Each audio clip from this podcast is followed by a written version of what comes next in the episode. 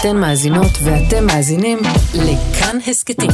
כאן הסכתים, הפודקאסטים של תאגיד השידור הישראלי.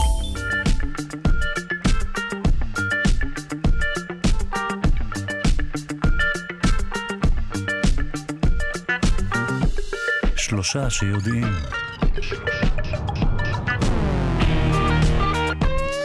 בוקר טוב ושבוע טוב למאזיני ומאזינות כאן תרבות. אנחנו שלושה שיודעים תוכנית המדע והידע של ישראל. בשעתיים הקרובות נביא לכם את כל החדשות של עולם, מדע, עולם המדע, הפיתוחים האחרונים והמחקרים פורצי הדרך. אני עמיתי פוקמן, אהיה איתכם היום במקום שרון קנטור שיצא לחופשה קצרה. היא תשוב ביום שלישי לתוכנית פורים מיוחדת, עם אורחת מפתיעה מהמאזינות האדוקות של התוכנית, קרן מור. עוד נדבר ונספר על כך בהמשך. תכף גם נעבור לאולפן שלנו, אולפן שלושה שיודעים במכון דוידסון, שם כבר מחכה לנו ורד שפירא. אבל רק נספר לכם שהיום נבקר בנחל עמוד כדי להבין איך האתר הזה הפך לכל כך מיוחד ומושך. נבדוק האם אנחנו הולכים לשירותים כמו שצריך, כמו ששמעתם, שווה בדיקה. אנחנו ננסה להבין האם טעינו לגבי ההתפתחות של הגלקסיה שלנו, וגם למה נתפסים השרירים אחרי הספורט, וגם פינת האומנות, שתעסוק היום בצנזורה. נגיד תודה לכל העוסקים במלאכה, אלכס לויקר היא העורכת של כל הקסם הזה, תמר בנימין על ההפקה, דימה קרנצוב הוא על הביצוע לטכני. צליל קצר ומתחילים.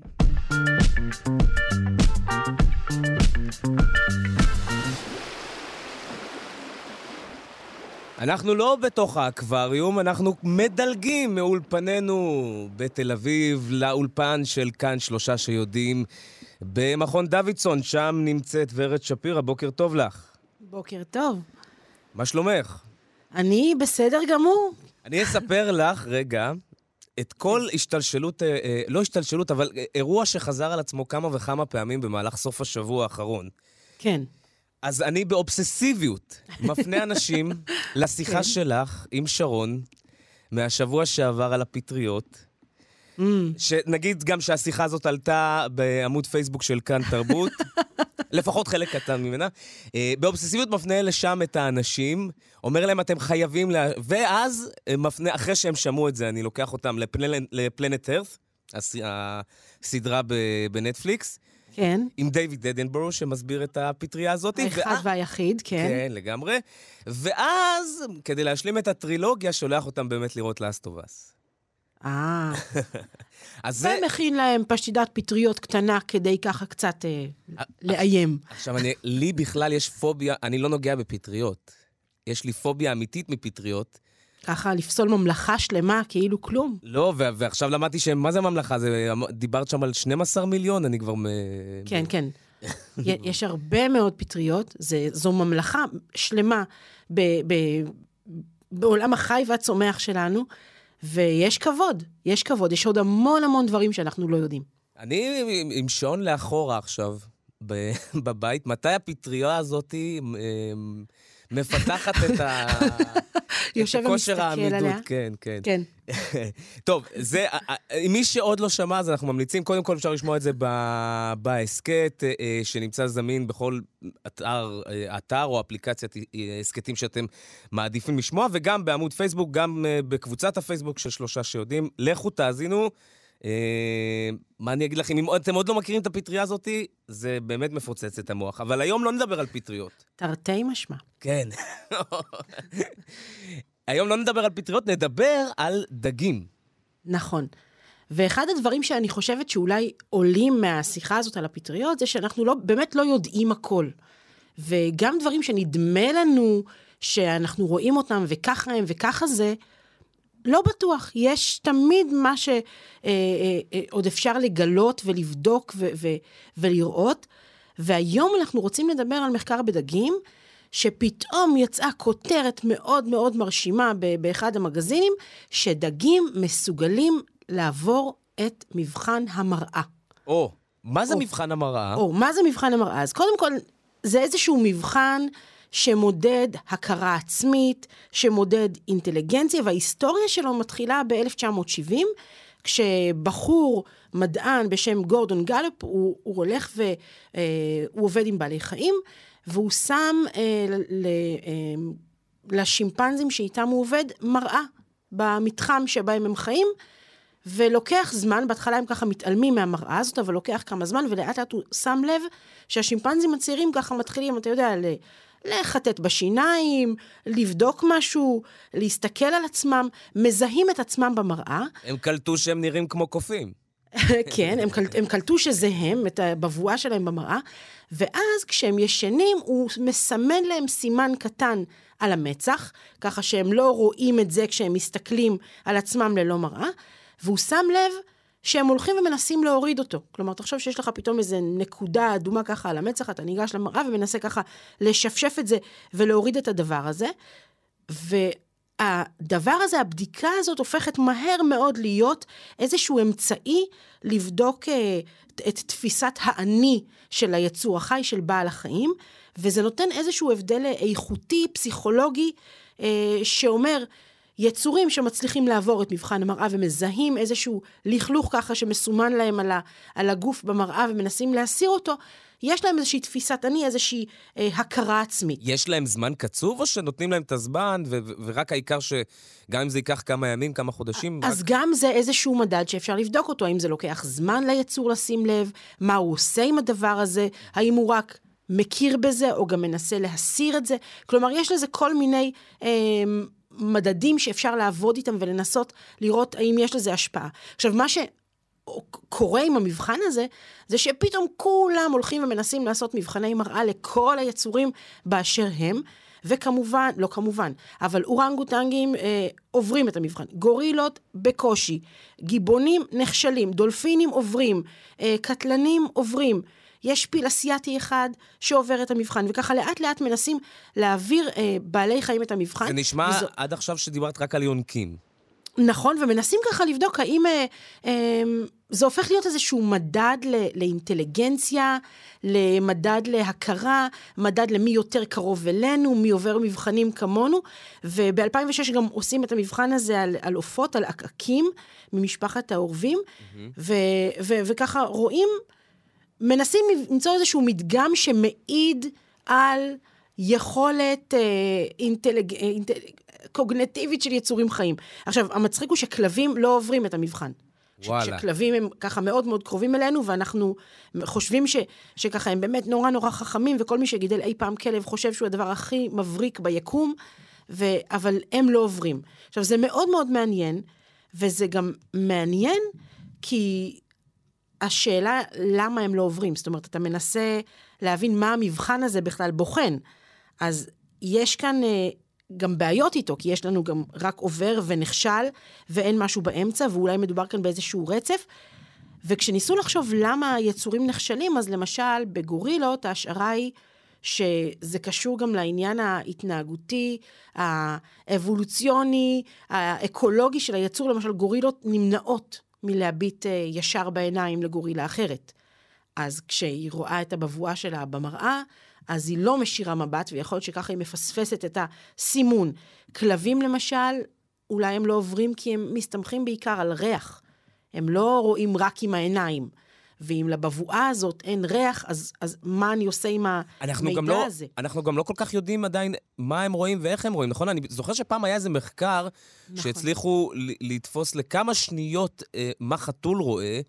אה, וגם זה מבוסס על השערה, זה לא שאנחנו מסוגלים להיכנס לו כן. לתוך העיניים ולעשות את הבדיקה הזאת, אנחנו יכולים לבנות מודלים, אנחנו יכולים לבנות אה, אה, כל מיני השערות לגבי מה יש לו בעין, מה הם האלמנטים שבונים מבחינה מכנית את העין הזאת, ולשער מה הוא רואה, אבל אף אחד לא באמת ראה מעין של חתול ולא עשה את העיבוד הוויזואלי שקורה אצלו במוח. אז יש לנו השערות לאיך זה קורה, ואנחנו יכולים לבחון על ידי זה שאנחנו עושים כל מיני מבחנים.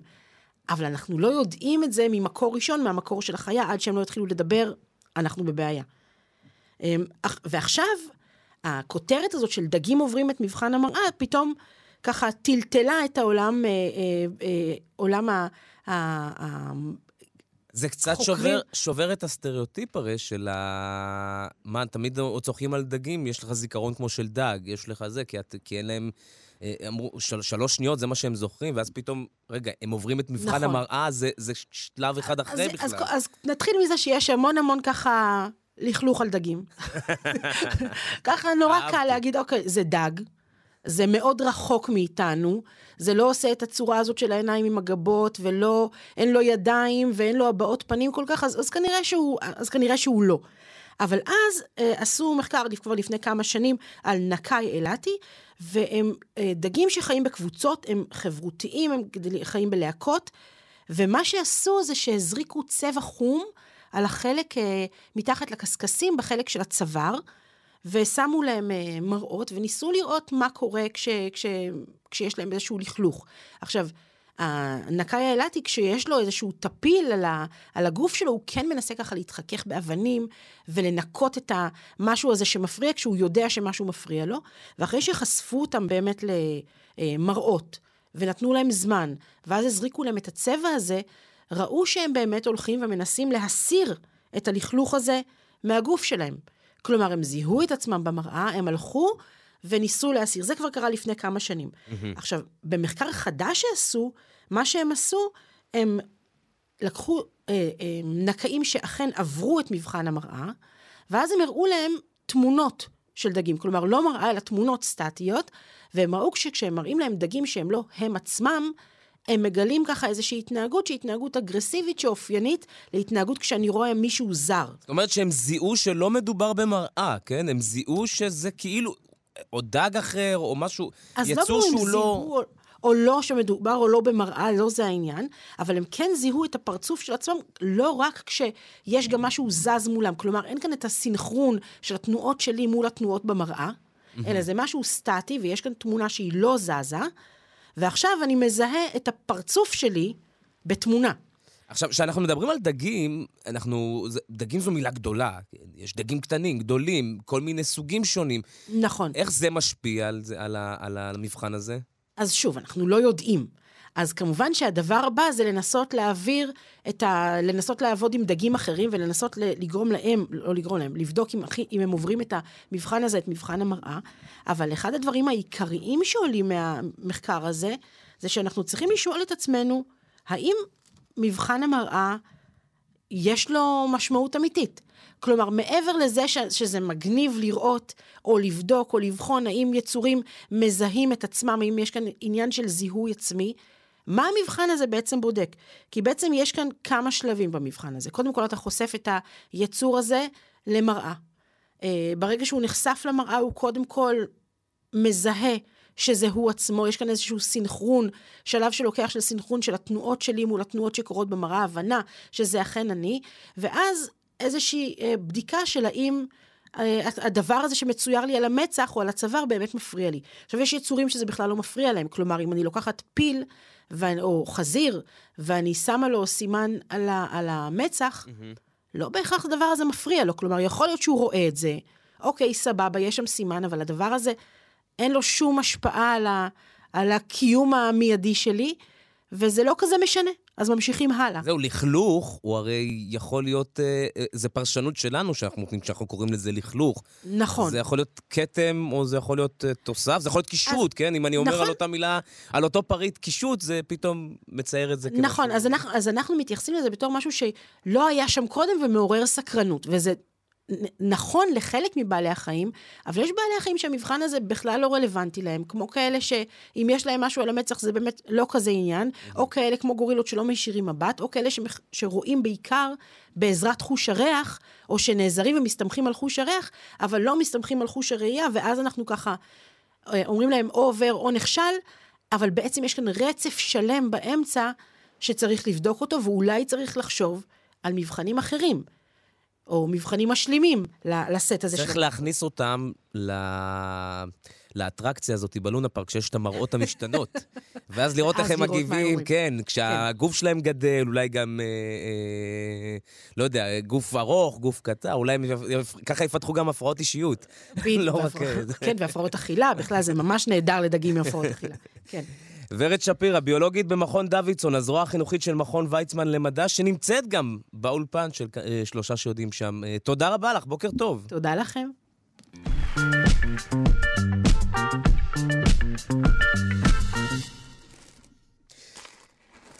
נדבר עכשיו על אחד המקומות באמת הכי יפים ש, שיש ל, לארץ שלנו להציע. חלקת טבע נדירה ביופייה, אם עוד לא ביקרתם, חייבים, חייבים. דוקטור אלון ברש, מומחה לאנטומיה ואבולוציה של האדם מהפקולטה לרפואה על שם עזריאלי באוניברסיטת אה, בר אילן, שלום לך. שלום, בוקר טוב. אנחנו מדברים על אוצר ארכיאולוגי, נחל עמוד. אכן, נחל עמוד אה, שבאמת מתחיל אי שם באזור אה, מירון ומתגלגל לו עד לכנרת, באמת עוצר בתוכו גם יופי, באמת, במיוחד עכשיו זה הזמן.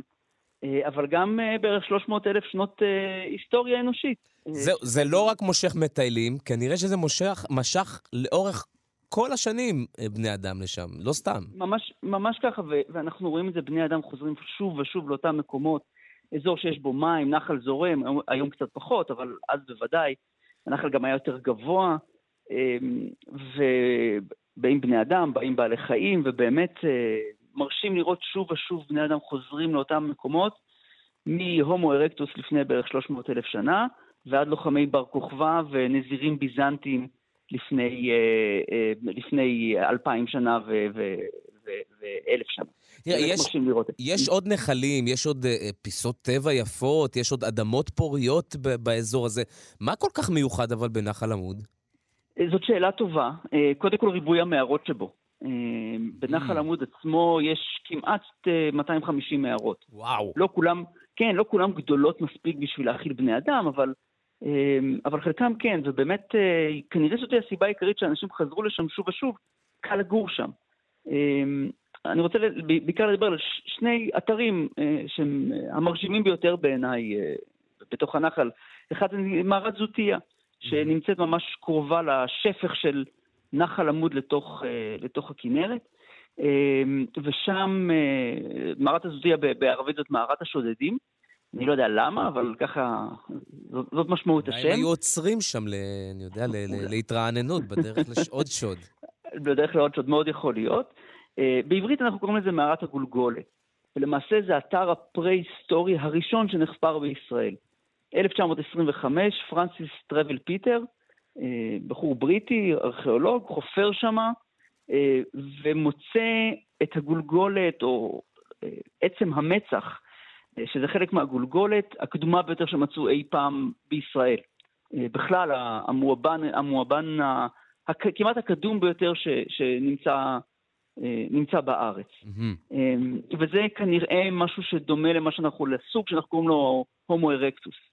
אה, אבל אנחנו לא יודעים בדיוק, יש לנו רק את עצם המצח. הוא מוצא שם אלפים של כלי אבן יפהפיים שנמצאים היום במוזיאון אה, רוקפלר בירושלים.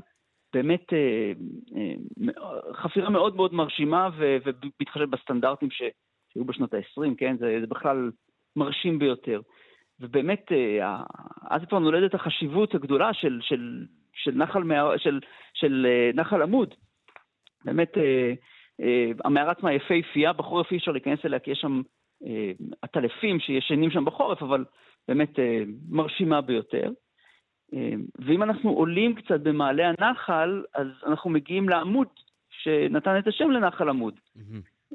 ושם נמצאת מערת עמוד, שנחפרה בשנות ה-60, בעיקר בתחילת שנות ה-60, על ידי, על ידי צוות יפני, ושם נמצא אה, ניאנדרטל, 1961 נמצא ניאנדרטל בוגר, אה, בקבורה מכוונת ככל הנראה, כי הוא היה מונח על הצד שלו, ועד היום זה הניאנדרטל עם נפח המוח הגדול ביותר שמצאנו אי פעם, מאוד מאוד חשוב, כי מסתבר שלניאנדרטלים היה נפח מוח גדול יותר מאשר לאדם מודרני. אה, אז, אז, אז הנה שתי דוגמאות מאוד קטנות אה, לבאמת מבצעים פנטסטיים שמצאנו שם בתוך הנחל. ו- וזה לא נגמר שם. בשנות ה-90 חידשו את החפירה אה, במערת עמוד. אה, פרופסור יואל רק ופרופסור אראלה חוברס מצאו תינוק של ניאנדרטל, אה, ממש בין, אה, בין, הערכת הגיל בין שישה חודשים לעשרה חודשים, אה, שוב בקבורה מכוונת, סופר חשוב, מכיוון שזה מלמד, לנו, מלמד אותנו הרבה על האנטומיה של הניאנדרטלים. Mm-hmm. ותינוקות של ניאנדרטלים, יש לנו ממש, אפשר לספור אותם על יד אחת. אה, ולכן זה נמצא באמת באמת חשוב. יש סכנה, יש שם כל כך הרבה מטיילים הרי, נכון, ואני מניח נכון. שעוד לא נמצא, יש שם עוד בטח ממצאים ארכיאולוגיים נוספים שאנחנו אין- אפילו... אין ספק, אין ספק. אין ספק, אז ובגלל אולי זה... עדיף דווקא שלא נזמין מטיילים לשם, אולי תישארו בבית, רגע, תנו לנו לטפל. לא, לא, אפשר, אפשר, אה, אפשר וצריך לטייל, זה- ובכלל, הנחל הוא באמת מאוד מאוד מרשים, במיוחד כשזורמים בו מים. אה, אה, צריך להזכיר, ארכיאולוגיה וחפירות זה משהו ש... זה עסק למומחים, וכמובן שלחפור ולהוציא דברים מהאדמה זה למעשה אפילו עבירה על החוק, אבל, אבל באמת חלק מהמערות הן לא לגמרי נגישות, צריך לדעת איפה הן, צריך לטפס אליהן. אה, מערת זאתייה למשל נחפרה עד סופה, אי אפשר למצוא שם כלום, כי חפרו עד למה שנקרא סלע הבסיס, עד לבסיס של המערה. אה, ולכן אני יכול להגיד את זה בקול רם.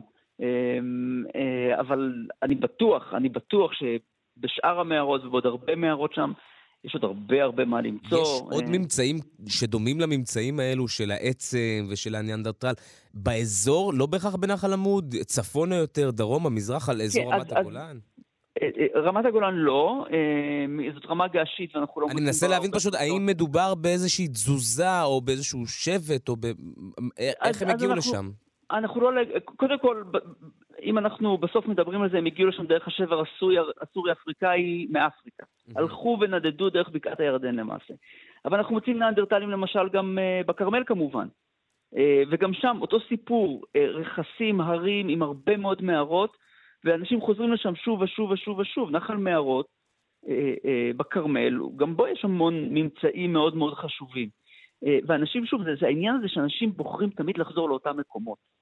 וזה יפה לראות שזה מינים שונים של בני אדם, הומו ארקטוס, ניאנדרטלים, אנחנו, עדיין הבחירה שלנו היא ללכת לאותם מקומות שבהם יש מים זורמים, שבהם יש בעלי חיים, וגם אנחנו היום אוהבים לטייל שם, באותם אזורים, כי אנחנו רואים את המים ואנחנו רואים את בעלי החיים.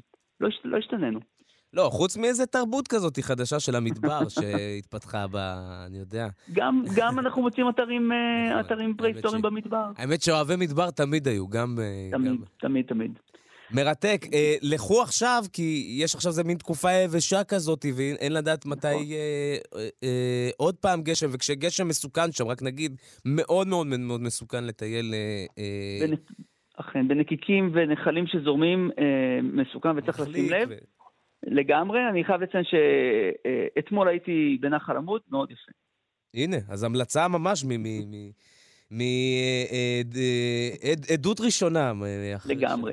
דוקטור אלון ברש, מומחה לאנטומיה ואבולוציה של האדם מהפקולטה לרפואה על שם עזריאלי באוניברסיטת בר אילן. תודה רבה לך, בוקר טוב. תודה, תודה, בוקר טוב.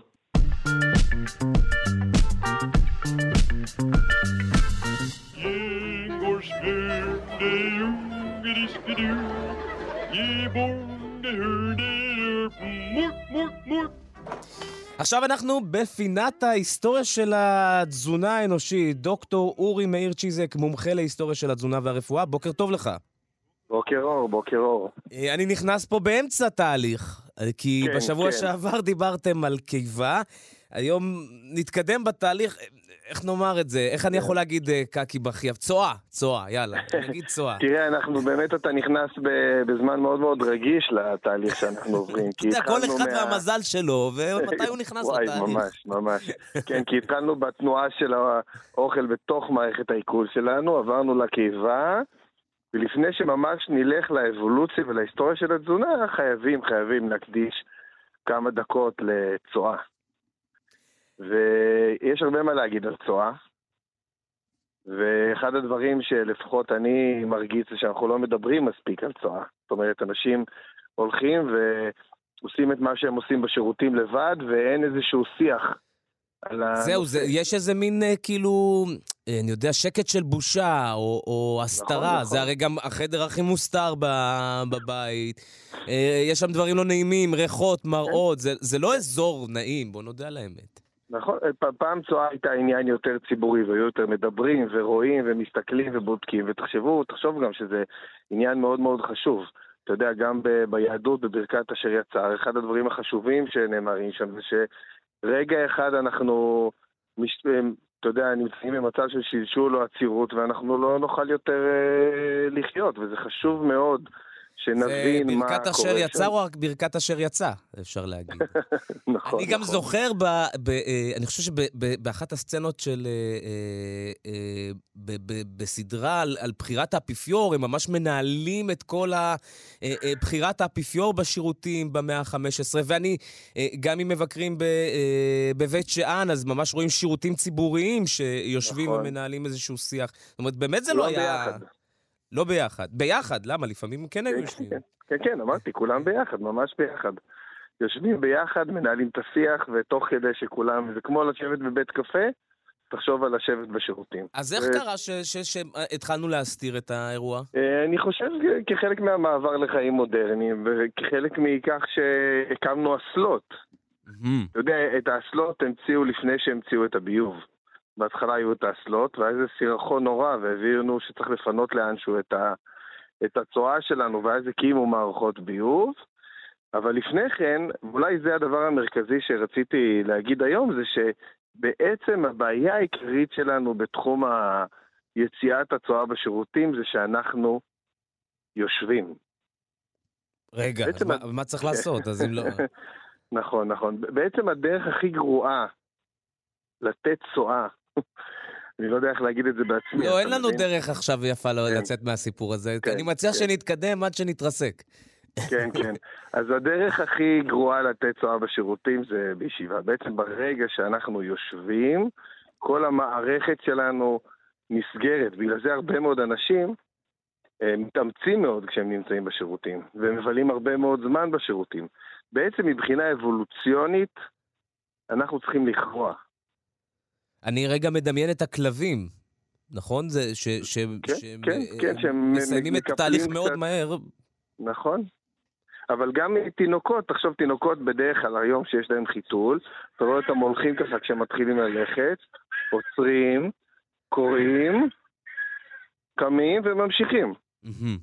זה מה שהם עושים, כי מבחינה אבולוציונית, הם ככה עוד מתנהלים לפי האינסטינקטים שלהם, והאינסטינקטים שלהם אומרים להם שאנחנו צריכים אה, לקרוע. זה בעצם קריאה מאוד מאוד מאוד משפרת את, ה, את התנועתיות של המעיים ואת היכולת שלנו להוציא את הצואה בצורה סדירה.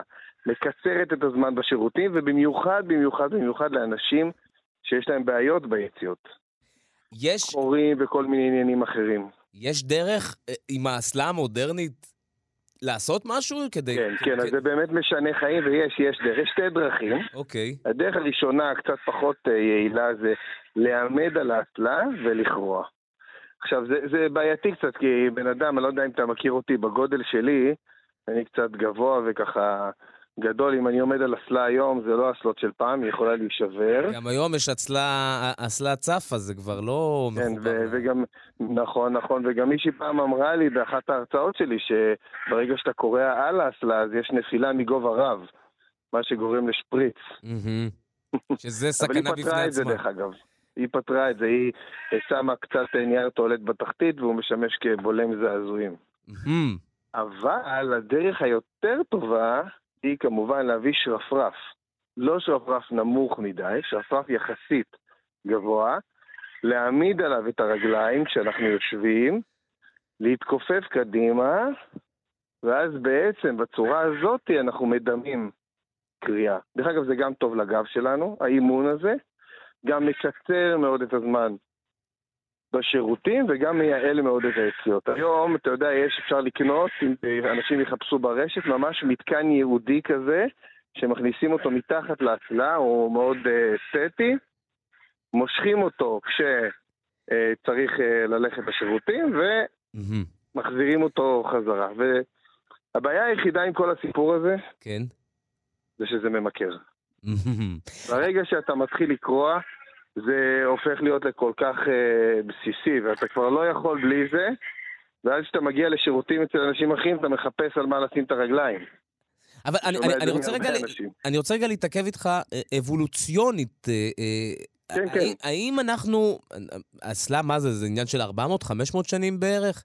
תראה, זה, זה מאוד משתנה ממקום למקום, וגם לא ברור לנו בכל מקום. נגיד, אפילו ב, אם היו אה, אסלות ביוון העתיקה, לא ברור אם הם ממש ישבו, או קראו עליהם. לא, השאלה. שלי, האם זה... למה הגוף שלנו לא התאים את עצמו. לדוגמה, נגיד, אה, אה, אה, ידע אולי לחלק, אה, אה, לחול, לחלק את, ה, כן. את המסע ש, שלנו כשאנחנו יושבים, כל עניין של דחורים שגם אה, עולה ב, כן, כתוצאה תהליכים, תהליכים אבולוציוניים, במיוחד כאלה שקשורים בתנועתיות של המעיים, כן, הם תהליכים מאוד מאוד מאוד מאוד ארוכים. זאת אומרת, אם היית מדבר איתי על מיליון שנה, היינו יכולים לדבר על אולי איך הגוף התאים את עצמו. אבל אה, אנחנו מדברים על 400-500 שנה, זה עוד לא מספיק זמן. אה, זה עוד לא מספיק זמן, וצריך להגיד, רוב העולם עדיין אה, קורע בשירותי קריאה. זאת אומרת, רוב העולם הוא לא העולם המערבי, ושם עדיין קוראים.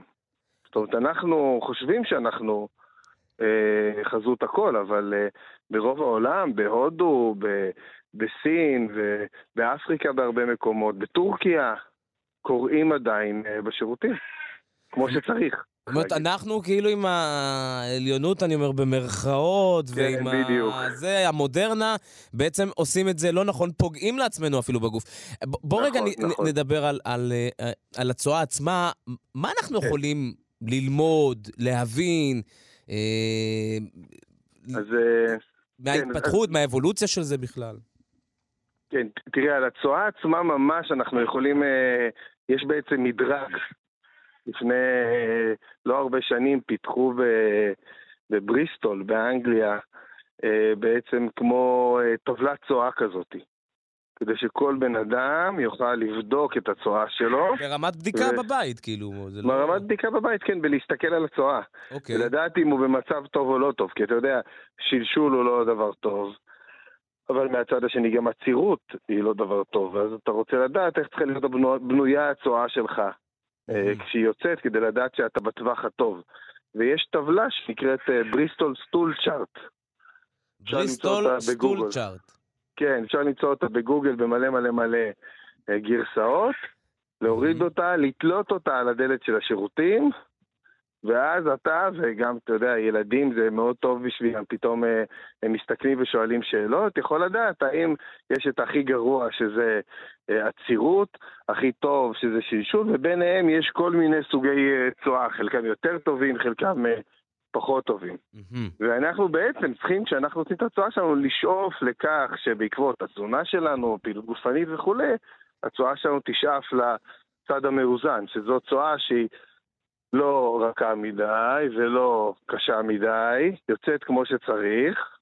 זהו, המובן ו- מאליו זה שאם נאכל טוב, תצא צואה טובה, אבל מה זה לאכול טוב בשביל זה? אז זה, זה, זה בעצם חוזר למה שדיברנו עליו uh, ב, בפינה שדיברנו על התנועה במערכת העיכול, ואולי אחד המרכיבים החשובים ביותר בבניית הצואה שלנו, אלו הסיבים התזונתיים שמגיעים מירקות, פירות ועלים.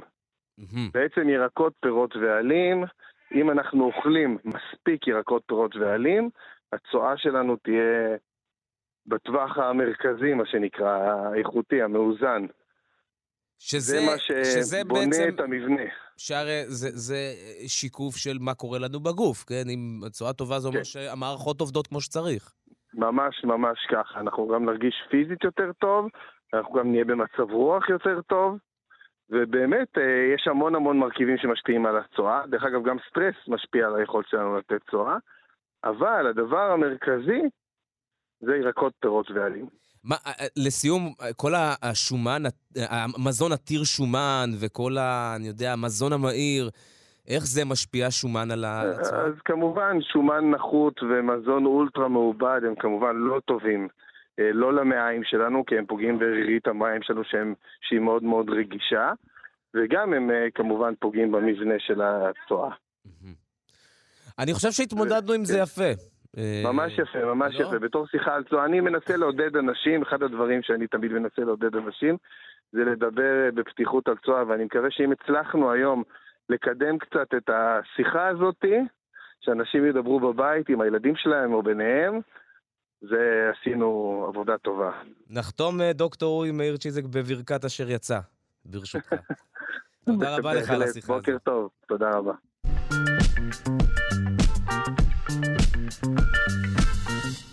עכשיו אנחנו לפינת הקתדרה למוזיקה, נגיד בוקר טוב לפרופסור משה זורמן. בוקר טוב. מלחין, מנצח ומייסד הקתדרה למוזיקה בשיתוף דוקטור אסטרית בלצן. אה, ואנחנו היום עם פינה מיוחדת לכבוד תחרות הפסנתרנים על שם רובינשטיין שמתקיימת בימים אלה. אה, נציין את יום הולדתו של... של שופן. של אז שופן. יצא, יצא לנו שני דברים ביחד. התחרות הפסנתרנים מתקיימת בין ה-14-31 במרץ. מיטב הכוחות הצעירים מתרכזים מכל העולם. זה ממש ומ- הימים האחרונים של ההכנות, כן? זה... זה... יושבים כולם השחזת ומתאמנים. הידיים. כן. וחוץ מזה, בראשון למרץ גם חל גם יום הולדתו של פרידריך שופן, שאולי גדול מלחיני הפסנתר. המלחין שאצלו נוהגים להגיד הפסנתר שר, הוא לא כלי הקשה, כמו שהוא באמת בעצם, אלא פסנתר משורר. ולכן אנחנו החלטנו לאחד את זה ולעשות אה, תוכנית שכולה פסנתר, וכולה ארתור רובינשטיין, כיוון שעל שמו התחרות. אוקיי. אז זהו, אז הקטע הראשון נתחיל בוואלס.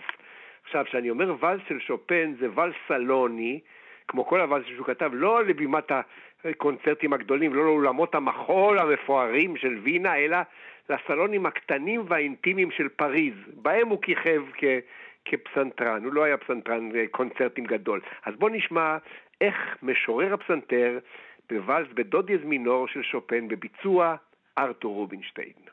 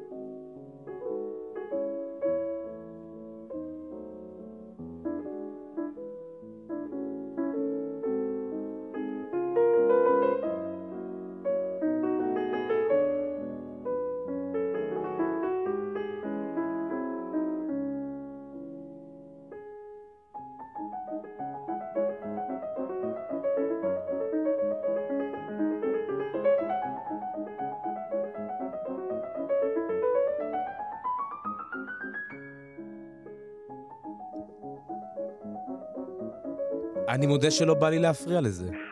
בסדר, אבל זה אופי הפינה הזאת שאנחנו תמיד מפריעים אנחנו חייבים, אבל זה כל כך... למוזיקה הכי גדולה שיש. וואו. אז אתה רואה, אז השופן הזה... אתה שומע את המנגינות האלה ואתה אומר, וואו, לא רוצה לרקוד, רוצה לשבת ולשמוע את זה בהנאה. כן, כמה- זה לא צעקני, זה... זה... לא, כמו זה מאוד. מאוד אינטימי, מאוד. כמו שהיו ההופעות של שופן על- בסלונים הקטנים של, של, של פריז בתקופה שהוא חי בפריז. ואז גם הקטע השני, מזורקה שמו, הוא גם כן בשלושה רבעים, כמו הוואלס, אבל אה, מזורקה הוא ריקוד עם פולני, אבל בשל האופי העממי של המנגינה הרבה יותר נמרץ ולא לירי כמו הקטע ששמענו עכשיו, נשמע ככה פחות או יותר.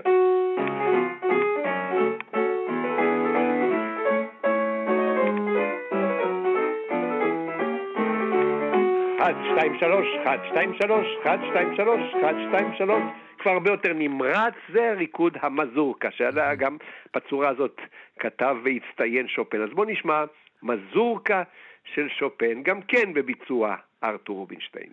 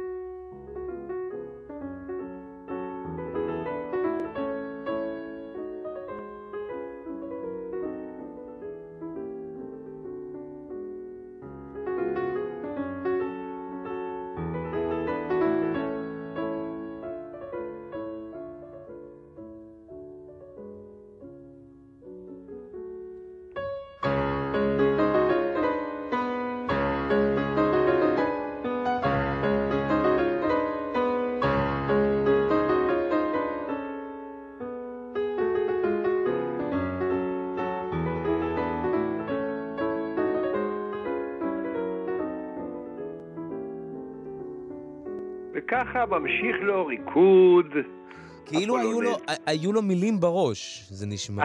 יש... יכול להיות, שמע, שופן היה פטריוט פולני, אבל ממרחק. רוב החיים שלו, הבוגרים, הוא בילה בפריז, משם הוא עוקב אחרי המרד הפולני הגדול על שחרור פולניה מעול האימפריה הרוסית. ליבו יוצא לבני עמו הנלחמים, הוא רוצה לה, להעניק להם משהו, כל מה שיש לו להעניק זה היצירות הקטנות האלה בפסנתר, הוא, הוא חשב אולי לכתוב איזה אופרה, אף פעם לא יצא לו. הוא נשאר בפריז, שבור לב, חולה בשחפת, לא יכול לגמור במאבק, אבל בצוואתו, שמע, גופתו קבורה בפריז, בבית הקברות על שם פר לשז, מאוד מפורסם, שבו קבורים כל גדולי המלחינים. בתוך קברו גביע עם אדמת פולין, אבל את ליבו הוא ציווה להוציא ולקבור בפולין. ואכן הלב קבור אחר כבוד בוורשה.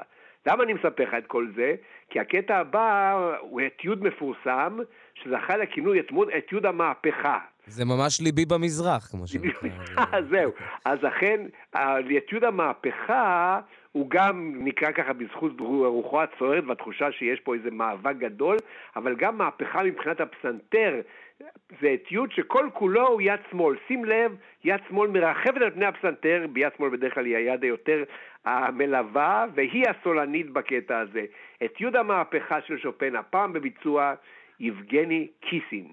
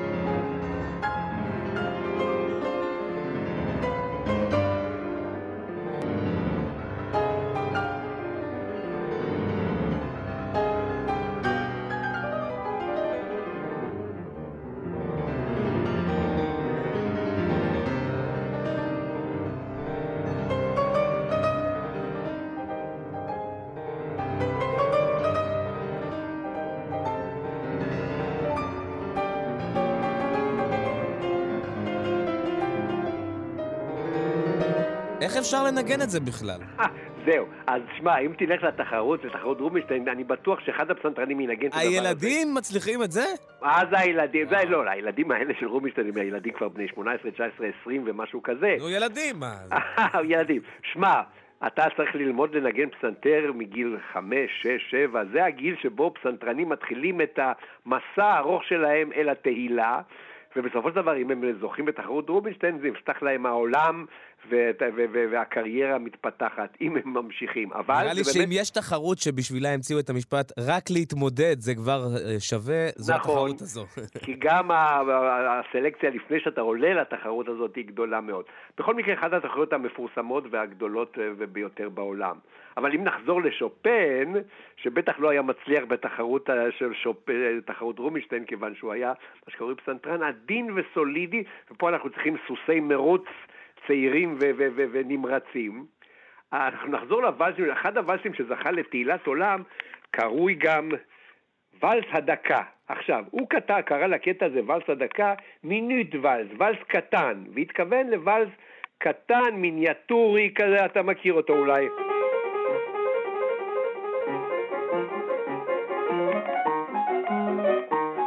מן המפורסמות. ואלס מאוד מפורסם. עכשיו, הטעות הגדולה היא שחשבו הפסנתרנים בדורות הבאים שמינית ואלס, זאת אומרת, צריך לנגן אותו תוך דקה. ואז הוא הפך לאתגר, אני שמעתי כמה פסנתרנים, אתה יכול לנגן אותו תוך דקה. זה בעצם אתגר הטיקטוק הראשון. הגדרתי לו, אבל זה מצלצל איום ונורא.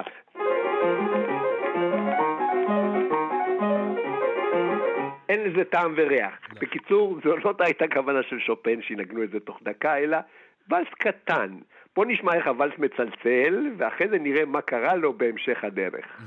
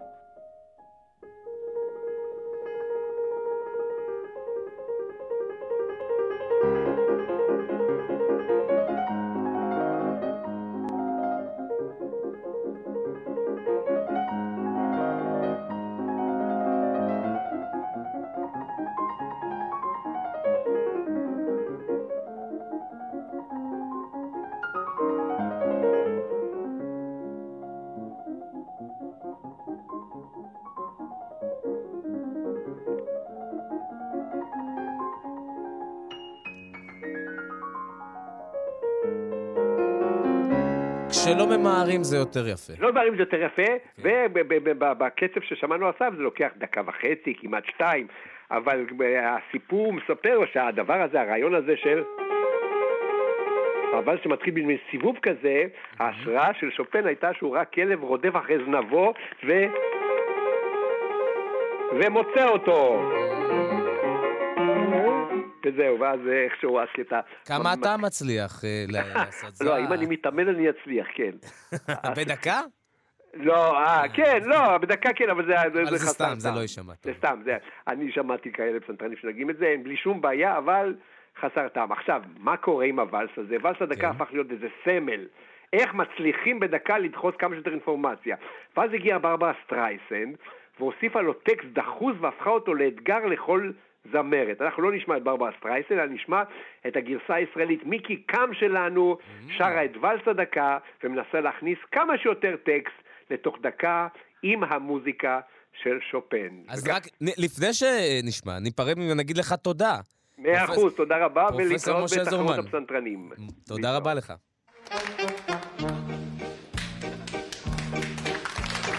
יש לי רק עוד רגע, לא יותר מרגע, יש לי כבר פחות מרגע, רק עוד רגע, יש לי כבר פחות מרגע, זה הזמן ואין ארכה לשיר את כל הוואלס בין הדקה, וזה לא קל לך אשתדל אז, הלילה התקפל לך קודם את הרגע בעמל, ויגע עמלק כאן בתווים אשר שופן כתב לי בהיות ואקווה לשיר בלי שום טעויות כן, ולמרות שזה קשה השיר ולא אנוח וחולות נותרה ברוח, אקווה שהביצוע לא יהיה גרוע, כדי לשיר תווים כאלה, אזדקק לכלא, את רוני היום אין קו על הצליח, וגם הביצוע דעתכם יניח. זהו הסיפוק הרב שיש מלהפתיע את כולם בלי לפקשש. גם אם הוא ראה את זה אחרת לשופן אני היום לא מוותרת. אז אם רק תרשו לי אנא אפשרו לי. להשאיר כל תו ותו שהמלחין כתב. גם אם אין בזה תועלת או תוחלת איש לא יכחיש אני כאן משתדלת לעשות דבר קצת מעייף בשביל הכיף בוואלס בין הדקה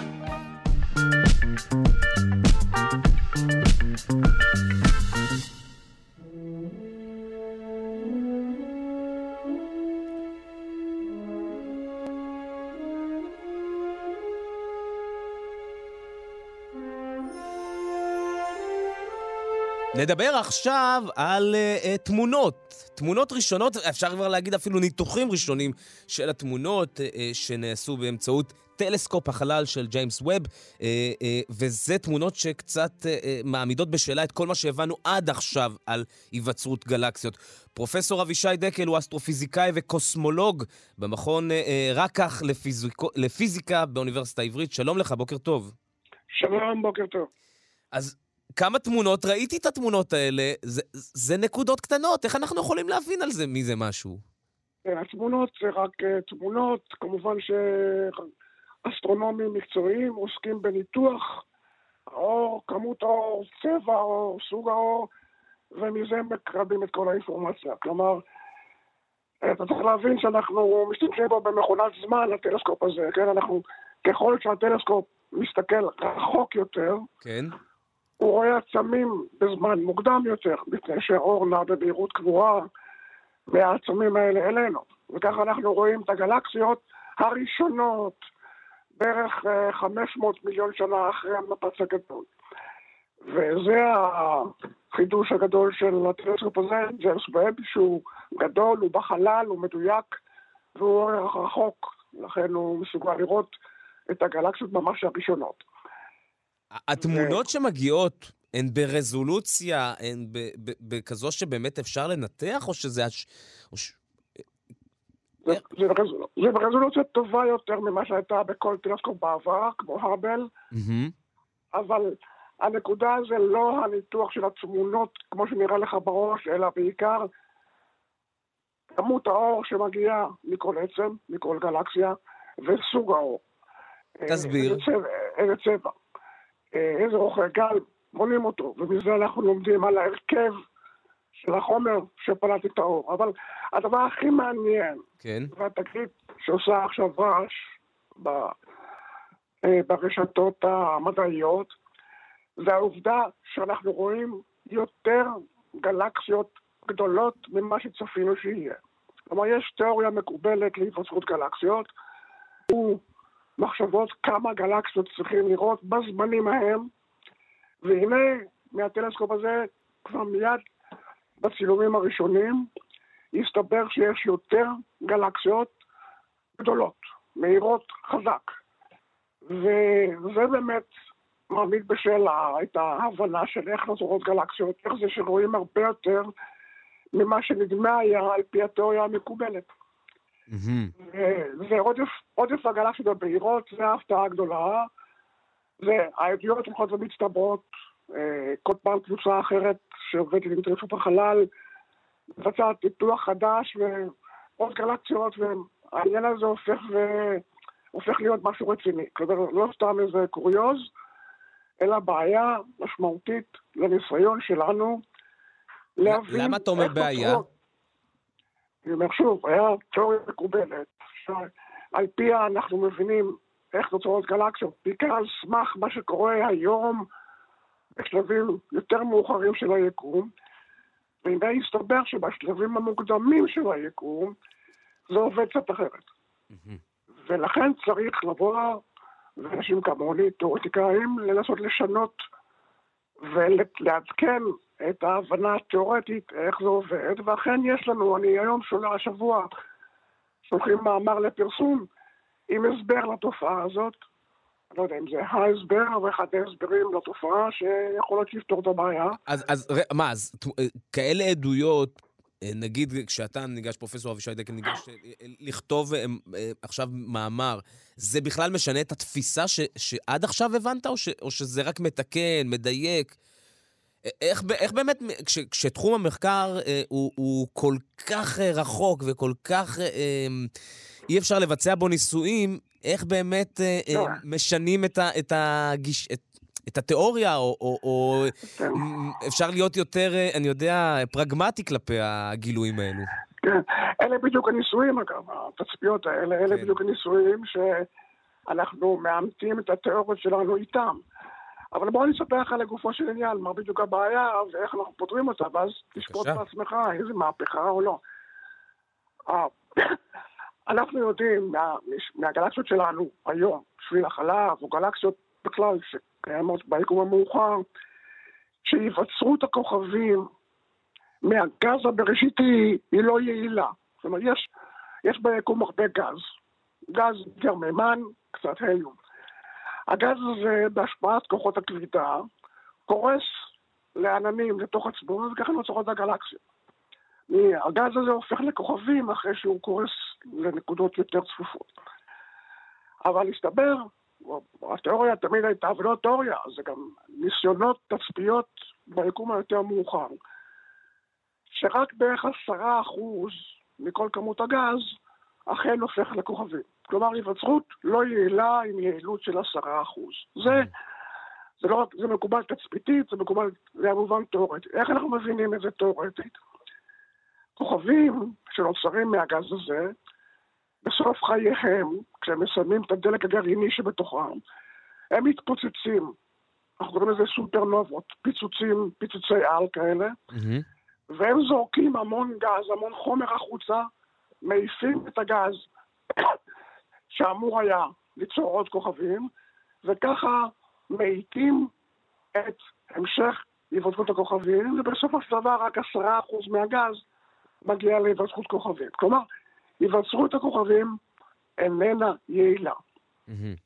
והנה בגלקסיות האלה, בשביל להבין אותן, את הגלקסיות של החצי מיליון שנה הראשונות, אנחנו חייבים להניח ששם הייתה היווצרות מאוד יעילה של כוכבים. 100% מהגז יצר כוכבים.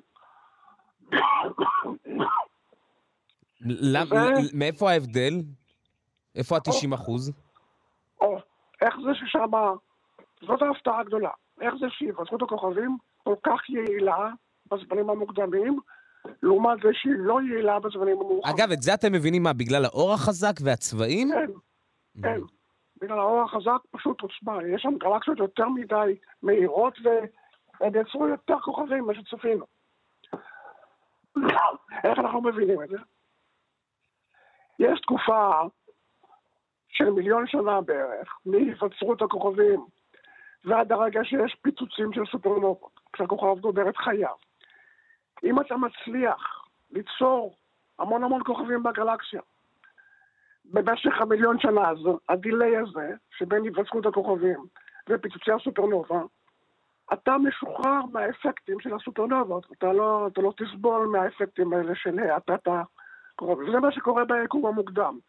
היקום כל כך צפוף, ממש קרוב למפץ הגדול, שהכל קורה מאוד מהר, הזמנים הם מאוד מהירים, ואכן גלקסיה שלמה נוצרת תוך מיליון שנה. והיא מספיקה להיווצר לפני שהבעיה נוצרת, לפני שהפיצוצי סופרנובה מאיטים את היווצרות הכוכבים. וזה, היום זה נשמע, זה נשמע הסבר מאוד פשוט, אבל... אה, כן. אומרת, כל דבר שמבינים אותו הוא נהיה פשוט, וכנראה שזה המאמר שלנו, וכנראה אני מקווה שזה גם קולע בול לבעיה. אנחנו מבינים את זה גם עלינו? מה זאת אומרת? זאת אומרת, אה, אה, יש משהו, למדנו דברים על הגלקסיות האלו, אבל האם זה מלמד אותנו גם על הגלקסיה שלנו?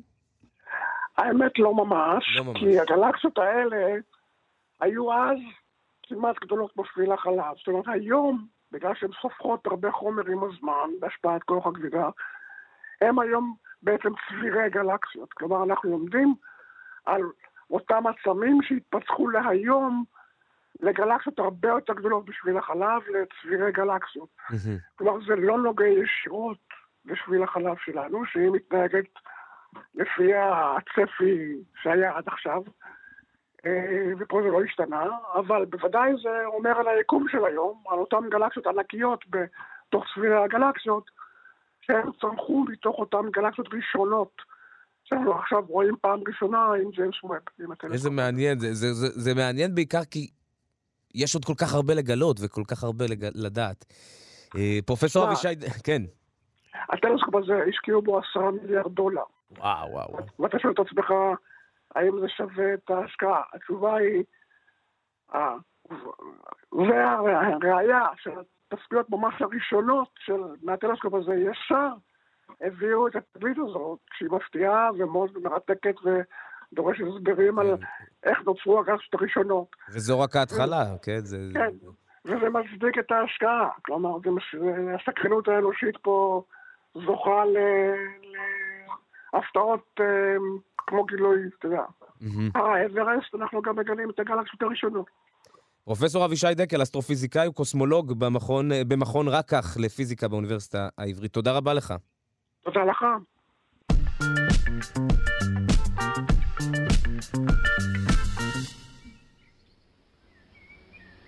נשארים פחות או יותר באותם מרחבים, פינת החלל והאטמוספירה, אבל היום אה, נתמקד בעיקר באטמוספירה. פרופסור יואב יאיר הוא דיקן בית הספר לקיימות באוניברסיטת רייכמן, הוא חוקר גם אטמוספירה וחלל. בוקר טוב לך. בוקר טוב, שלום לך ולמאזינים. אה, אני אה, אה, ניגש בזהירות, כי עד עכשיו אה, הייתי בטוח שהעצים טובים לנו והצמחייה טובה לנו, אבל יכול להיות שאם ייווצרו תנאים מסוימים, לא בהכרח יהיה כך הדבר. כן, מדובר במחקר של קבוצת חוקרים, אוניברסיטת קליפורניה, ריברסייד, גומז ושותפיו, שהתפרסם ב-Nature Communications of Earth and Atmospheric Science, והם מוצאים ששינויי האקלים העתידיים, כלומר אלה שמתרחשים עכשיו וביתר שאת אל אמצע המאה ולקראת סופה, עתידים להשפיע על איכות האוויר, ולא בגלל שזיהום האוויר יגדל כתוצאה מהפעילות האנושית, אלא דווקא בגלל שתי סיבות טבעיות לכאורה, אחת מהן, כמו שאתה אמרת, מהצמחייה, שתפלוט יותר חומרים לאטמוספירה, ותכף נסביר כיצד, והשנייה היא מהמדבריות, שגם כאן יש אה, תרומה עתידית לא מועטה ולא זניחה ששם מה, מה. במדבר? טוב, הם מסתכלים על מודלים עתידיים אה, של תרחישי שינוי אקלים אל אמצע המאה ולסופה, ורואים את הדברים הבאים. קודם כל, עלייה בריכוז ה-CO2, ככל שאנחנו עושים מאמצים להפחית אותה, בינתיים אנחנו לא רואים תוצאות, והריכוז הולך וגובר, וכיום עומד כבר כמעט על 420 חלקים למיליון, בהשוואה אגב ל-280 חלקים למיליון ppm בעידן הקדם-תעשייתי, זאת עלייה של 50% תוך 150 שנה. וזה ממשיך בינתיים, למרות כאמור המעבר לאנרגיות מתחדשות וטכנולוגיות לקיבוע פחמן, אז החוקרים אה, מריצים מודלים ובודקים תרחישים שונים להתנהגות האטמוספירה, בין היתר המעגלים של זרימה אטמוספרית בתאי הזרימה המוכרים לנו, והתגברות הרוחות בחלק מקווי הרוחב, מה שמביא בעיקר בקווי הרוחב אגב, שקרובים לנו, 25, 30 צפון, למדבר סהרה אה, כמקור מרכזי לעלייה בכמות האבק שתהיה באטמוספירה בעשורים הקרובים.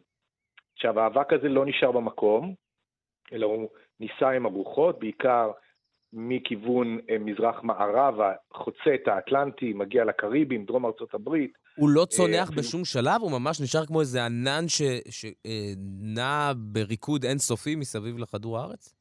לא, לא, חלק מהחלקיקים הכבדים בהחלט אה, צונחים אה, חזרה אל הקרקע, או נכנסים לעננים במה שנקרא Cloud Aerosol Interactions, ומהווים כגרעיני התאברות ליצירת אה, עננים חדשים, או להשפעה על הפיזיקה של עננים קיימים, אבל חלק, בפרט אלה הזעירים, מה שאנחנו מכנים חלקיקים נשימים, או PM2.5, כלומר חלקיקים שהקוטר שלהם היבש קטן מ-2.5 מיקרון, ולכן נכנסים בקלות אל המערכת שלנו, אל כלי הנשימה, והחלקיקים האלה נשארים באוויר ונישאים למרחקים של אלפי מיילים, יכולים לחצות את האוקיינוסים ואפילו להשלים הקפה שלמה של כדור הארץ, והעתיד כנראה רואה הכבדה בכמות האירוסולים הללו שנפלטים כאמור ממקורות טבעיים.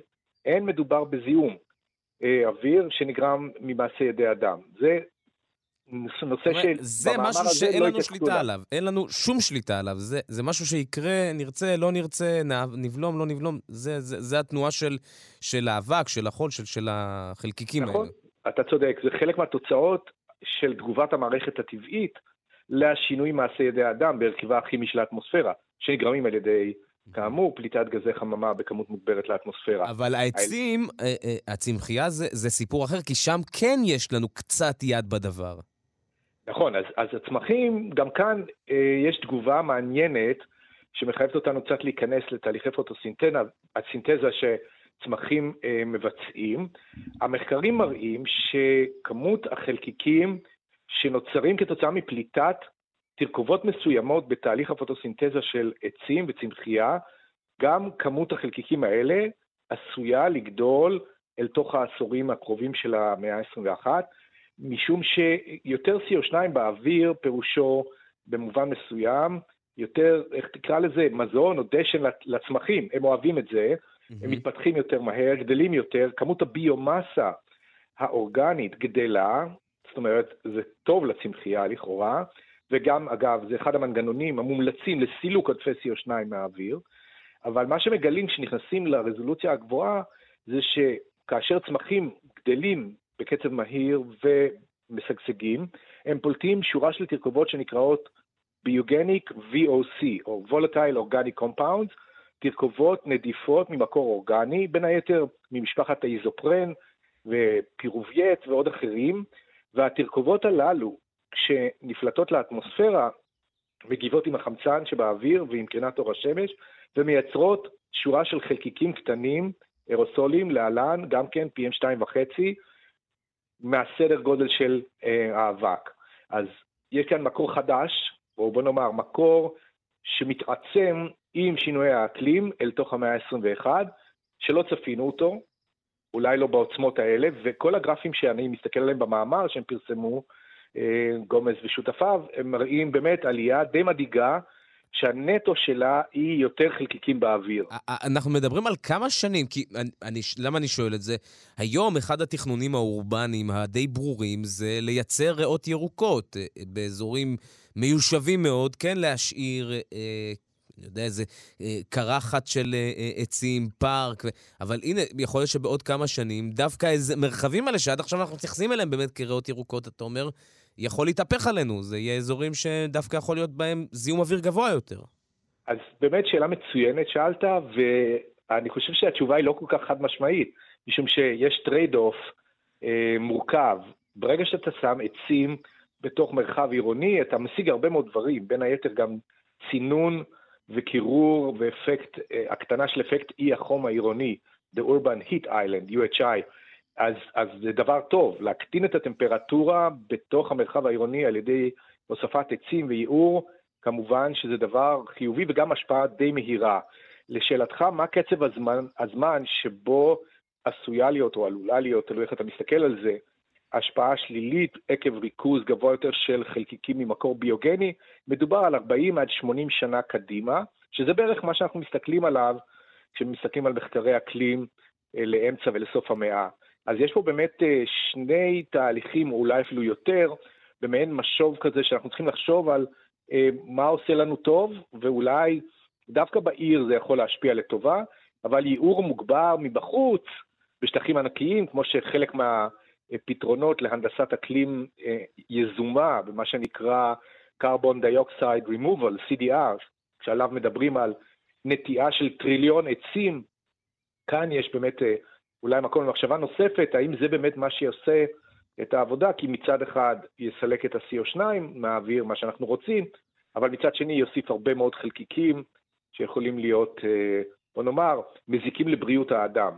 משום ש-PM2.5 זה ידוע, אה, ננשם, ננשם לתוך המערכות שלנו ויכול ליצור אלרגיות, אה, אסתמה ועוד מחלות שכאלה, בעיקר באוכלוסיות רגישות כמו אה, תינוקות, ילדים ואנשים מבוגרים. זה מחקר חדש יחסית, נכון? ממש סוף החודש הקודם אה, מתפרסם. כן, כן, נכון. זה מחקר שהתפרסם ממש ממש אה, לפני שבועיים. עד כמה לוקח, נגיד ממחקר כזה, שזה די גילוי מרעיש, שאנחנו עוד צריכים להבין מה המשמעות שלו באמת על מרחבים עירוניים ועל אזורים אה, אה, מיוערים. עד כמה זמן ממרחק כזה, שמתחילים לראות עוד, ממחקר כזה, סליחה, שמתחילים לראות עוד מחקרים או אפילו יישומים ואפילו חשיבה בתחומי דעת אחרים, כשמנסים להבין את, ה, את המשמעות של העלייה הזו. כן, אז זהו, אתה, שאלה מצוינת. שוב, אה, המחקר הזה הוא לא... הייתי אומר, ראשון מסוגו, יש רבים כמותו, mm-hmm. רק הם עשו דבר מיוחד בזה שהם הסתכלו על, על איכות האוויר ממקורות טבעיים. הם שמו בצד רגע את ההשפעה האנושית, שאותה אנחנו מנסים אגב מאוד מאוד לשפר, כלומר, המעבר ממכוניות מונעות בבנזין ודיזל לכלי רכב חשמליים בפירוש תורם לעלייה באיכות החיים ואיכות האוויר ושיפור באיכות האוויר במרחבים עירוניים, וכמובן אכיפה של אה, תקני פליטה והיתרי פליטה מתעשייה ובתי זיקוק, ומעבר לאנרגיות מתחדשות במקום אה, תחנות כוח מונעות פחמן, כל אלה בסופו של דבר ישפרו מאוד את איכות האוויר. אבל כל עוד אנחנו ממשיכים לפלוט CO2 לאוויר, בגלל שעוד לא עשינו את המעבר הזה, או המעבר איטי מדי, כולם מדברים על נט זירו ל-2050, כלומר איפוס פליטות או איזון הפליטות עד אמצע המאה, יכול להיות שזה איטי מדי, ולכן המחקר הזה של גומז ושותפיו, הוא נותן איזושהי אה, זווית ראייה ל, להסתכל על כל המורכבות הזאת של יחסי הגומלין בין המערכות הטבעיות, שעליהן, כמו שאמרת בצדק, אין לנו כל כך שליטה, לבין המערכות מעשי ידי אדם, שעליהן אנחנו כן שולטים. ויש פה באמת מין אה, מחול מורכב ומסובך, וצריכים להסתכל עליו. ברוב המודלים, אגב, של אה, חיזוי שינוי האקלים והשפעותיהם הגדולות, כמו מפלס האוקיינוסים, הטמפרטורה הממוצעת של כדור הארץ ותאי הזרימה הגדולים ומערכות האטמוספריות, אה, דברים קטנטנים כאלה, כמו כמות האירוסולים שייווצרו כתוצאה מפליטת אה, גזים אורגניים בתהליכי פוטוסינתזה, הם עדיין לא נכנסים. Mm-hmm. וכאן הערך העצום של המחקר הזה, שהוא אומר, חבר'ה, יש פה משהו גדול, שעד עכשיו לא הסתכלתם עליו, כדאי מאוד להתחשב בו. פרופסור יואב יאיר, דיקן בית הספר לקיימות באוניברסיטת רייכמן וחוקר אטמוספירה אה, וחלל, אה, יש סיבה, אני לא יודע אם לדאגה, אבל עוד משהו לשים לב אליו. זה, זה המסקנה שלי של הפינה הזאת. תודה רבה לך, בוקר טוב. בוקר טוב, יום נעים, להתראות.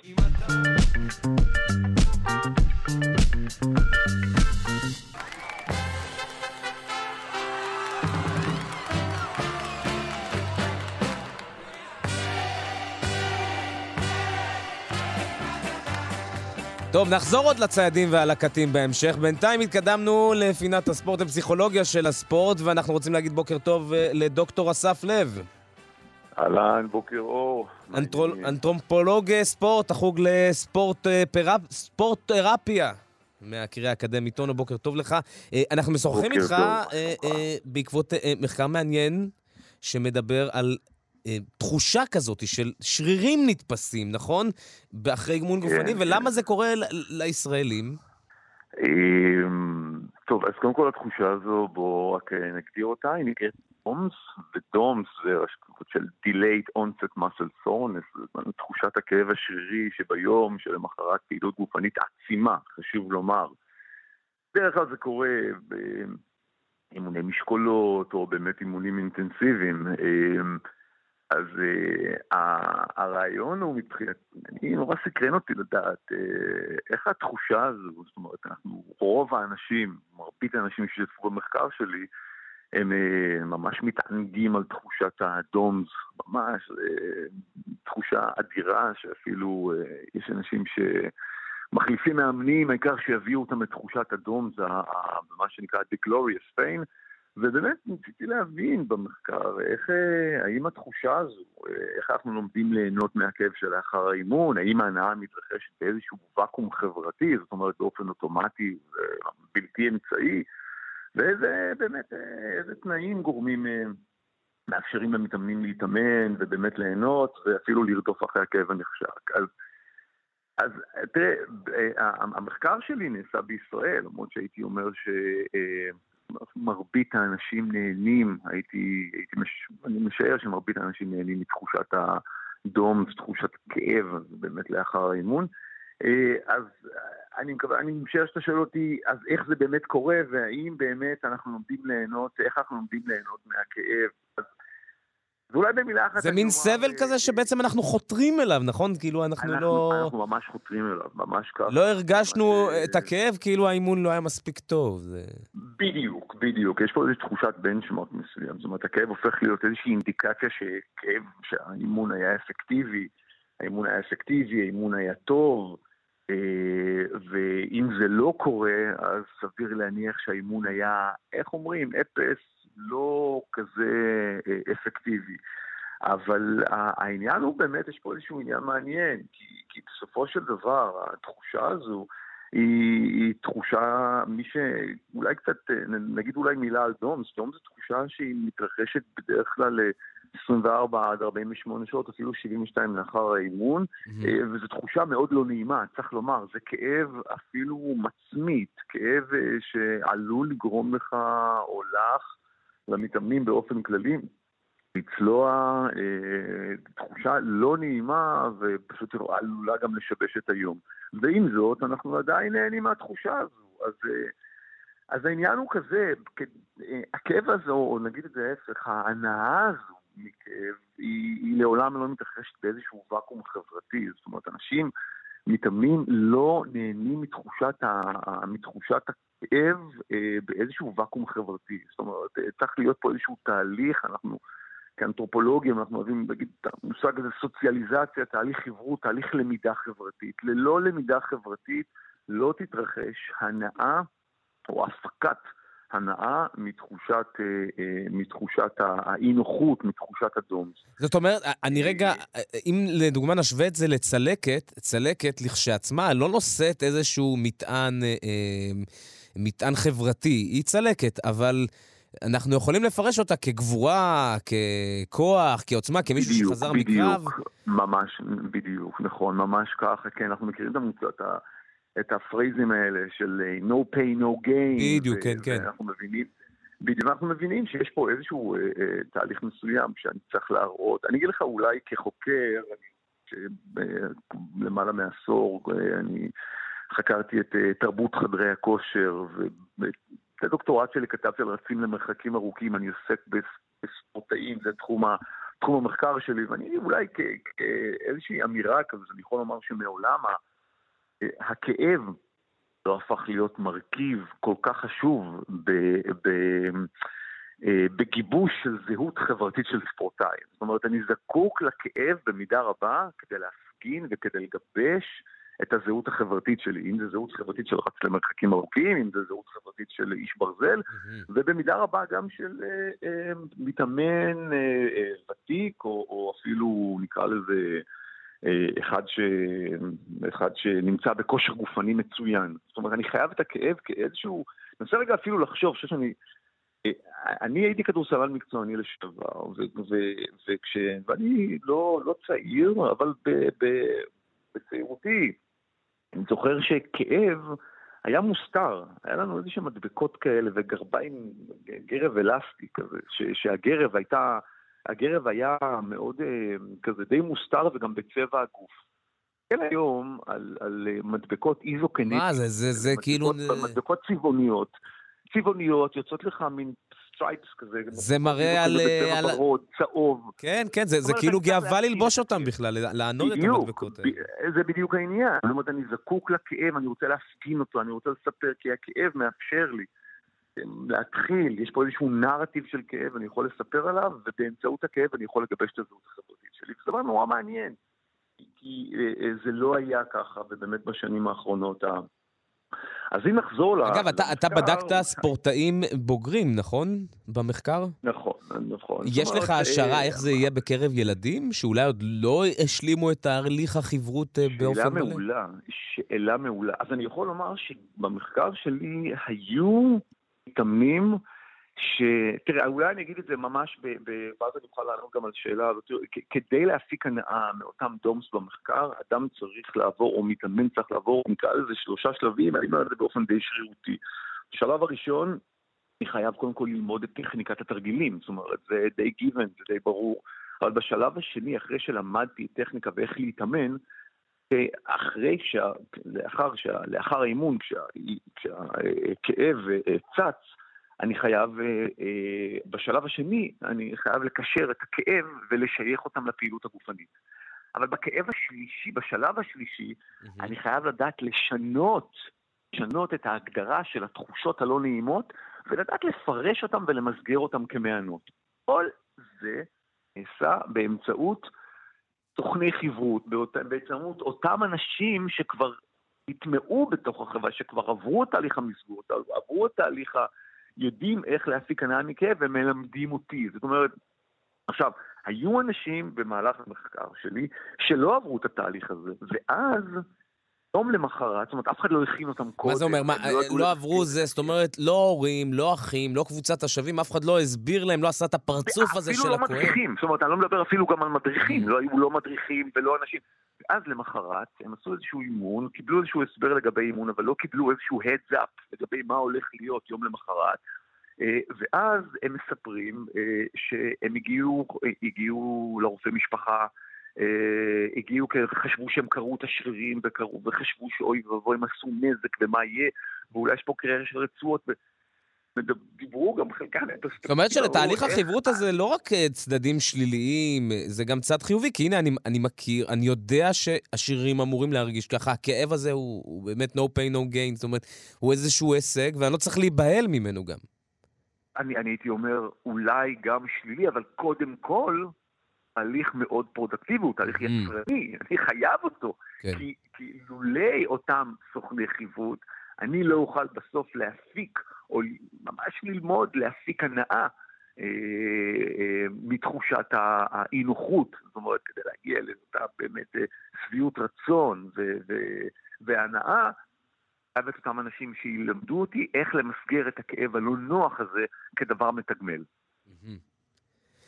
אז, אה, ו- ושוב אני שואל, האם, אני רגע, האם במחקר, וזה השערה, אה, ילדים שעוד לא, שלא, שעוד לא עברו את החיווט, זה לא יהיה משהו טבעי להם, נכון? הם או ייבהלו, או, לא, או אני- הם אני- לא ירגישו אתה- איזשהו... אתה צודק, אתה צודק. אתה צודק לגמרי. אני פשוט מנסה לי לדמיין, אה, אני יודע, אה, אפילו את עצמי בגיל צעיר, אני לא זוכר את עצמי נורא נורא מתלהב מכאב, להפך, אני אולי אפילו קצת הייתי נבוך והייתי... אה, אולי באמת... רוצה להסתיר חושש. את זה, אני- כן. מסכים איתך, מכיוון שבאמת, אה, שוב, אני, אני טוען שהתחושה, תחושת ההנאה, היא, היא לא מתרחשת באיזשהו, באמת באופן דרמטי בלתי אמצעי, אלא היא לא יכולה להתרחש באיזשהו ואקום חברתי, כפי שאמרתי, אז הייתי אומר שילדים, בדיוק כמו שמתאמנים, אה, אה, לא ותיקים, אז ב- בהחלט, ילדים, אה, אין, אני הייתי, השערה שלי היא שהם אה, מאוד יחששו מתחושת ה-. ולא סתם אמרתי בתחילת השאלות את, את הנושא של הישראלים, כי גם ל... לאקלים החברתי במדינת ישראל גם יש איזשהו, איזושהי השפעה. לא בטוח שאותה אה, או, או, אותה חוויית, אה, אה, אה, אני יודע, אה, גבריות או, או הצלחה תהיה ב, אולי בחברה אחרת, נכון? זאת אומרת, יש פה השפעה גם מסכים, של הצבא, אה, גם של דברים נוספים כאלה ש... לגמרי, לגמרי, ואתה יודע, נגעת בנקודה מאוד, אה, מאוד מעניינת, כי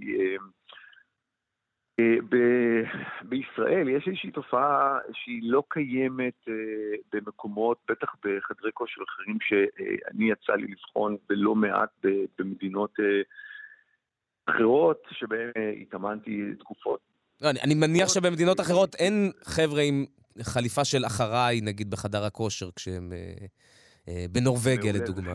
בדיוק, אתה יודע, הרמת, לי להנחתה, הייתי אומר שלא תמצא חבר'ה שמתאמנים עם חולצות מהשירות הצבאי, גם אחרי עשר שנים, אתה רואה אותם עם טישרטים של, אה, כמו שאתה אומר, אחריי, סלוגנים מהשירות הקרבי. אה, ואתה יודע, זה גם, אה, אבל זה כנראה דיון אחר, אבל זה מביא אותנו אולי גם להגיד מילה גם על הנושא המגדרי ועל השליטה הגברית בחדרי הכושר, שהיא מאוד מאוד מאוד חזקה, ועל זה אה, באמת כתבתי לא מעט, אבל כנראה בהזדמנות אחרת. טוב, נשמור עוד קצת, אבל מרתק, מחקר מרתק מאוד. דוקטור אסף לב, אנתרופולוג ספורט, החוג, החוג לספורט תרפיה בקריה האקדמית. אונו, תודה רבה לך. תודה רבה שהזמנתם אותי, תודה, בוקר טוב.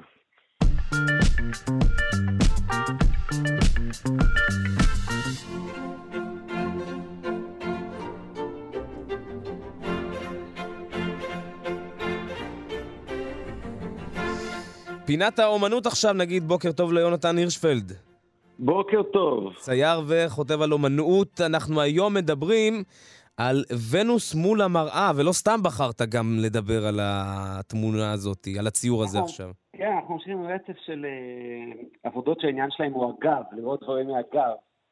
ובאמת, אה, אנחנו כמעט לא מכירים אה, בתולדות אמנות ונוס מהגב. אני חושב על טיציאן או ג'ורג'ונה או כל הוונוסיות. רק אם אתה יכול, יונתן, טיפה להתקרב לטלפון כדי שנשמע אותך טוב יותר. אני אומר, אנחנו כמעט לא מכירים ונוסיות מה, מהגב בתולדות האומנות. כל הטיציאן והג'ורג'ונה הן שוכבות ככה על הצד, ופרוסות מתחתנו, ממש כמו נוף. ופתאום אנחנו רואים ונוס מהגב, זה דבר מאוד מאוד חריג. אה, אתה אומר, אוקיי, אנשים אה, התלבשו יפה, יצאו מהבית, קנו כרטיסים לראות ונוס, והם קיבלו גב, הם אה, יבקשו את הכסף חזרה. טיפה לא אפילו, גם אפילו המראה, רואים קצת, לא רואים כלום. אז זהו, ש... מראה קטנה. לפחות יש, לפחות יש מראה, אולי היא תראה את הדבר שלשמו התכנסנו, אבל המראה איכשהו משקרת עלינו. היא נמצאת בזווית שהיא פונה למרכז הגוף, אבל מראה את הפנים.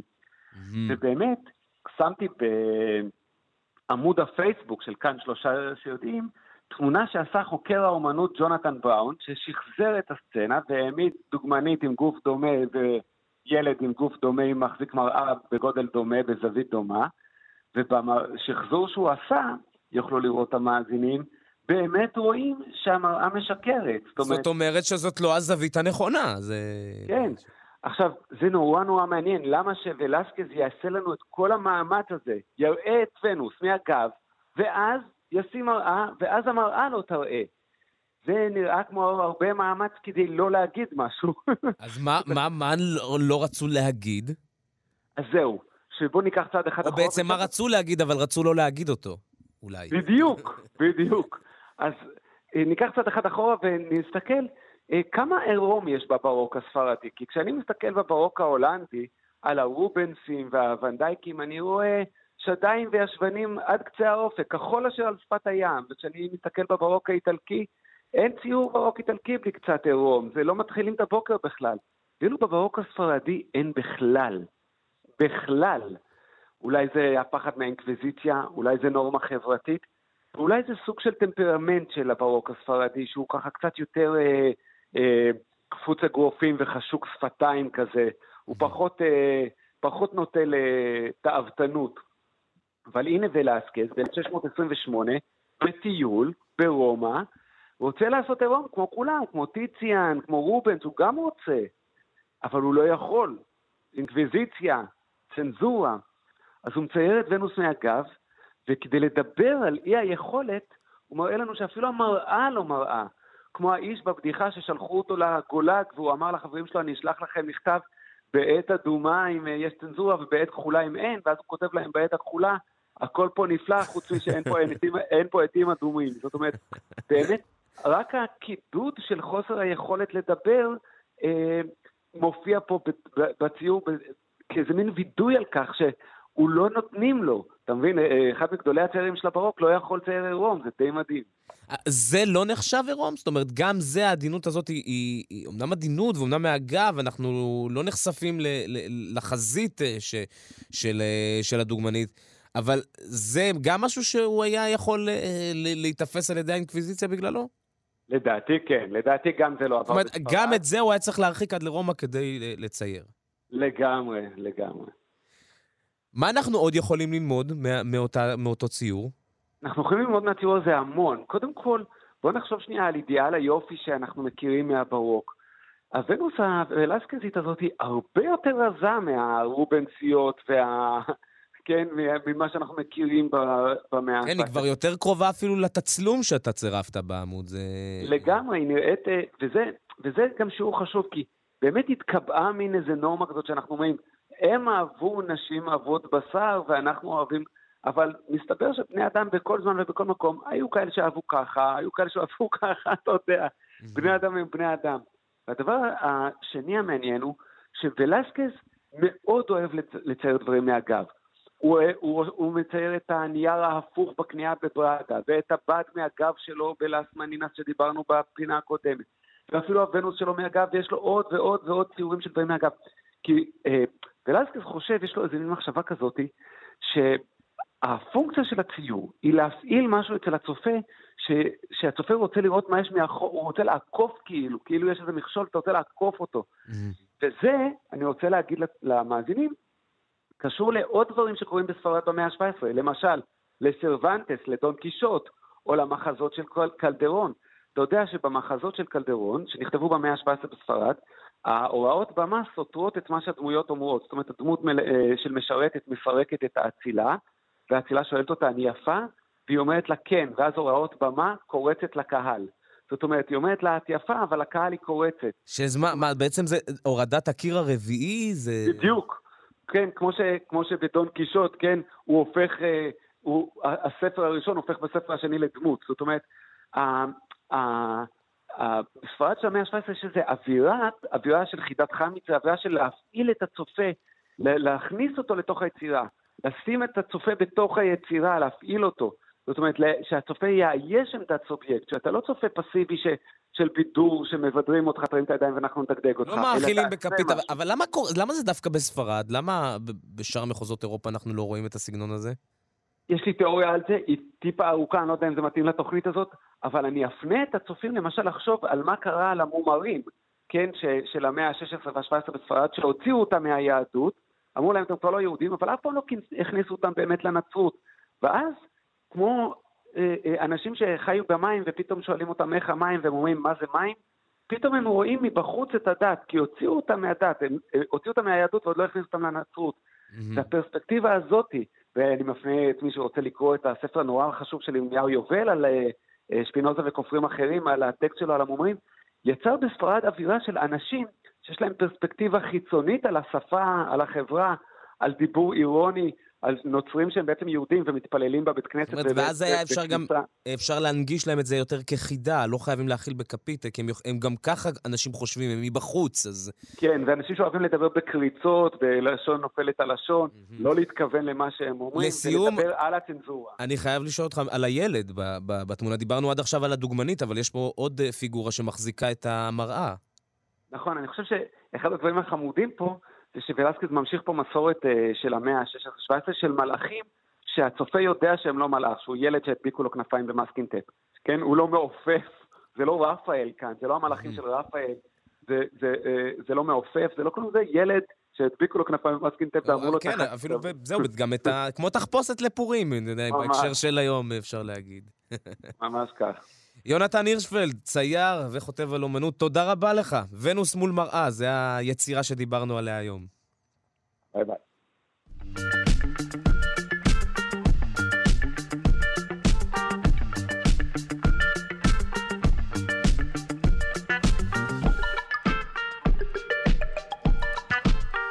זהו, אנחנו חותמים שעתיים של אה, שלושה שיודעים. נגיד תודה לכל הצוות שהעמיד את התוכנית הזאת על הרגליים. אלכס לויקר ערכה, תמר בנימין הייתה המפיקה, דימה קרנצוב היה על הביצוע הטכני. אני עמיתי פוקמן, נחכה לכם גם מחר בשלושה שיודעים. שרון קנטור, אגב, תחזור ביום שלישי עם תוכנית מיוחדת לפורים, והיא תארח אה, לתוכנית החגיגית הזאת את קרן מור. נאחל לכם המשך יום נפלא, להתראות.